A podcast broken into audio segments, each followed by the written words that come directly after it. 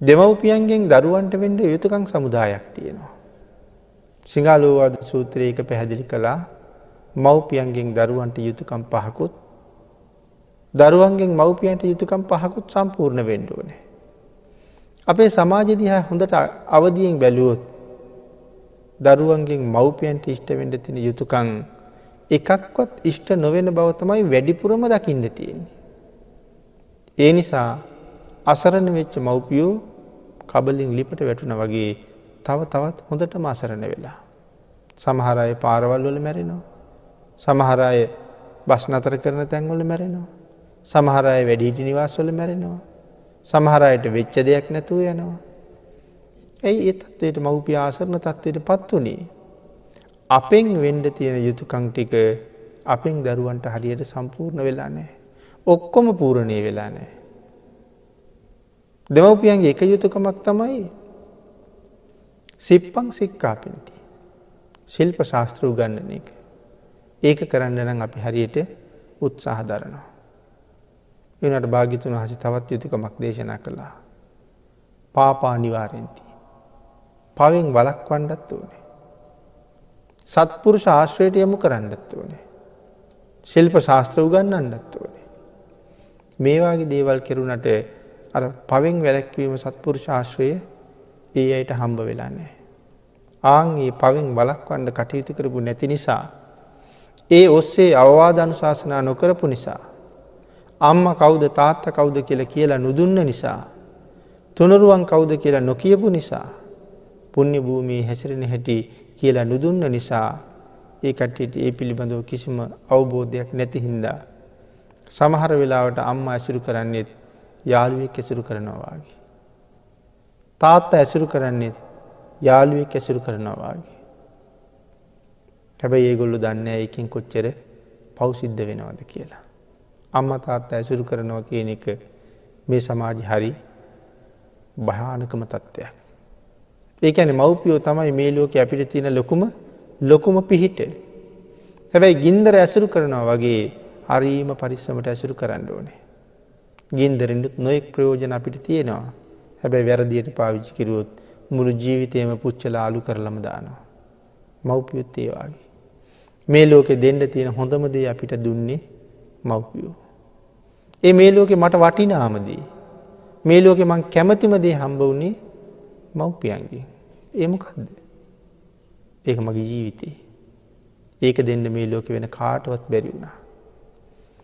නමුත් ජීවිතය දුන්න මව්පියෝ අපිට අවවාද අනුශාසනා කරනකොට අපට අවවාද කරන්න ඉන්න හොඳමය අපේ මව්පියෝ. ඊළඟට තුනුරුවන්. ඉහලින්ම ඉන්න තුනුරුවන් ඊළඟට අපේ මව්පියෝ. හැබැ හුඟක් දරුවෝ මව්පියෝ කියන දේවල් අහන් නැති වුණාට වෙන කවුරුහරි කියන දේවල් හොඳට හොඳට අහනවා. ඒක මේ සමාජයට අලුත් දෙයක් නෙමෙයි ඒ නිසා සමහර වෙලාවට අපිත් අපි කියන දේවල් දරුවෝ අහන් නැති හින්දා. දරුව ඇසුරු කරන තවත් කාට හරි කියනවා ඕගොල්ලොවත් කියල බලන්ඩකු. ඕගොල්ලු කිව්වොත් නම් අහන්ඩ පුළුවන් අපි කීවට අහන්නේ. ඇත්තට මේ දරුවොත් සමහරලාටේ පරිබාහිරාර අය කීවොත් අහන්ඩ පෙළඹෙනවා. අපි කීවට අහන්නේ අහන්නේ නෑ. හැබැයි ඒගොල්ලන්ට හිතෙන්නේ එයා කියලා මං මේක අහපු හම අම්මට කොච්චර දුක හිතේද කියලා. ඇයි ඒ මනුසයා මට පස්සෙ කොහෙන් හරි හම්බ වෙච්ච කෙනෙක්. පස්සේ ඇසුරු කරන්න ගත්ත කෙනෙක්. එතකොට මට ඒ මනුසයා කියන එක හොඳට වටිනවා. නමුත් දහමාසයක් කුසේ තියාගෙන ඉඳලා මට ජීවිතය දුන්න අම්ම දවසක හිතුවොත් මට වඩා ඒ අයි වටින හින්දනේ දේගොල්ලන්ගේ අවවාද පිළිගත්ති කියලා. හරියටම සත්පුරුෂ වුණානං හරියට ඥානයක් දැනුමක් අවබෝධයක් තිබුණ නං ඕගොල්ලු කවුරු කියන එක පිළිගත්ත නැතත් මම අම්ම කියන එක පිළිගන්නවා කියන තැන්ට යන්න වෙන්නේ. හැබැ අපේ යුතු කම්ටික හරියට සම්පූර්ණ වෙලා නැති නිසා සමහරලාට එහෙම වෙලා. එනම් දරුවන්ට දෙමවපියෝ පූර්වාචාරිවරු කියලනි භාගිතුන් වහස දේශනා කළේ. එනම් මූලික කාරණා ටික යුගන්නන්ට තියෙන්නේ. අම්ම කවුද තාත්ත කවුද තුනුරුවන් කවුද කෑමකන්නේ කොහොමද පාරයන්නේ කොහොමද වැඩිහිටියන්ට සලකන්නේ කොහොමද වැසිකිලිය කැසිකිලිය පාවිච්චි කරන්නේ කොහොමද පිගාන හෝදන්නේ කොහොමද නිදන තැන සකස් කරගන්නේ කොහොමද ඉන්න තැන අතුපතුගා ගන්න කොහොමද මේ මව්පියන්ගෙන් දරුවන්ට ඉගෙන ගණඩ තියෙන දේවල්. ඉතින් ඒ දේවල් ටික හරියට සම්පූර්ණ වෙලා සම්පූර්ණ වෙලා නැති නිසා අපි මේ ගොල්ලන්ගෙන් ඒ දේවල් දකින්න බොහොම බොහොම අඩුවී. බොහෝ වෙලාවට දරුවන්ගේ පාර්ශවය කල්පනක් කරලා බැලූ. මව්පියන්ට දරුවන්ගෙන් බුදුන් පත් කරගන්න තෘෂ්ණාවක් තියෙන නිසා දරුවන්ගේ ඊළඟ ජීවිතය පිළිබඳව කල්පනා වෙන බව පේන්නේ. මොද මව්පියන්ට දකිින් ඕන ලොකු රැකියාවක් කරන දරුවී. සමාජ ඉහල තත්ත්වයක වැජබෙන කෙනෙ. අං ඒ ඔස්සේ මෙහෙව්ව මිසක් මේ අයගේ ගුණධර්මත් සම්පූර්ණ වෙන්ඩෝන කෙළ හිතුවේ නෑ. අපි ඔක්කොම බෞද්ධය. එතකොට එහෙනම් බුදුරජාණන් වහන්සේ අපින් බලාපොරොත්තු වෙච්චි දෙයක් තියෙනවා කියල හිතෙන්නෙම නැද්ද. භාගිතුන් වහසත් අපින් බලාපොරොත්තු වෙච්චි දෙයක් තියෙනවා. අපි මේ සම්බුද්ධ ශාසනය ඉදිරියට ආරක්ෂා කරගෙන ඉස්සරහට අරංයයි කියලා. අපිව සංසාරයෙන් එතර කරන්න පුළුවන් තැනට එනකං ව්‍යක්ත ප්‍රතිබල භික්‍ෂූන් වහන්සේලා උපාසක උපාසිකාවන් මේ සිව්වනක් පිරිසේ ඇතිවෙන්න තාක්කල් භාගිතුන් වහස පිරිනුවම් පාන්න නැති බව මාරයට සඳහන් කළා. ඉන් පස්සේ තමයි මම පිරිනුවම් පාන්නේ එතෙක් පිරිනුවම් පාන්නේ. එන භාගිතුන් හස බලාපොරොත්තුනා හොඳට ධර්මය ධරණ පිරිසක් ඇතිවෙන්න ඕන කියලා. මුත් අද වෙනකොට බලහම භාගිතුන් වහස අපින් බලාපොරොත්තු වෙච්ච දේ අපි හරියටම කරනවද. එහෙනම් මේ ධර්මය අද බෞද්ධ කියලා ඉපදිලා මැරිල යනවා නමුත් ත්‍රිපිටක පොත දැකලවත් නැතුව.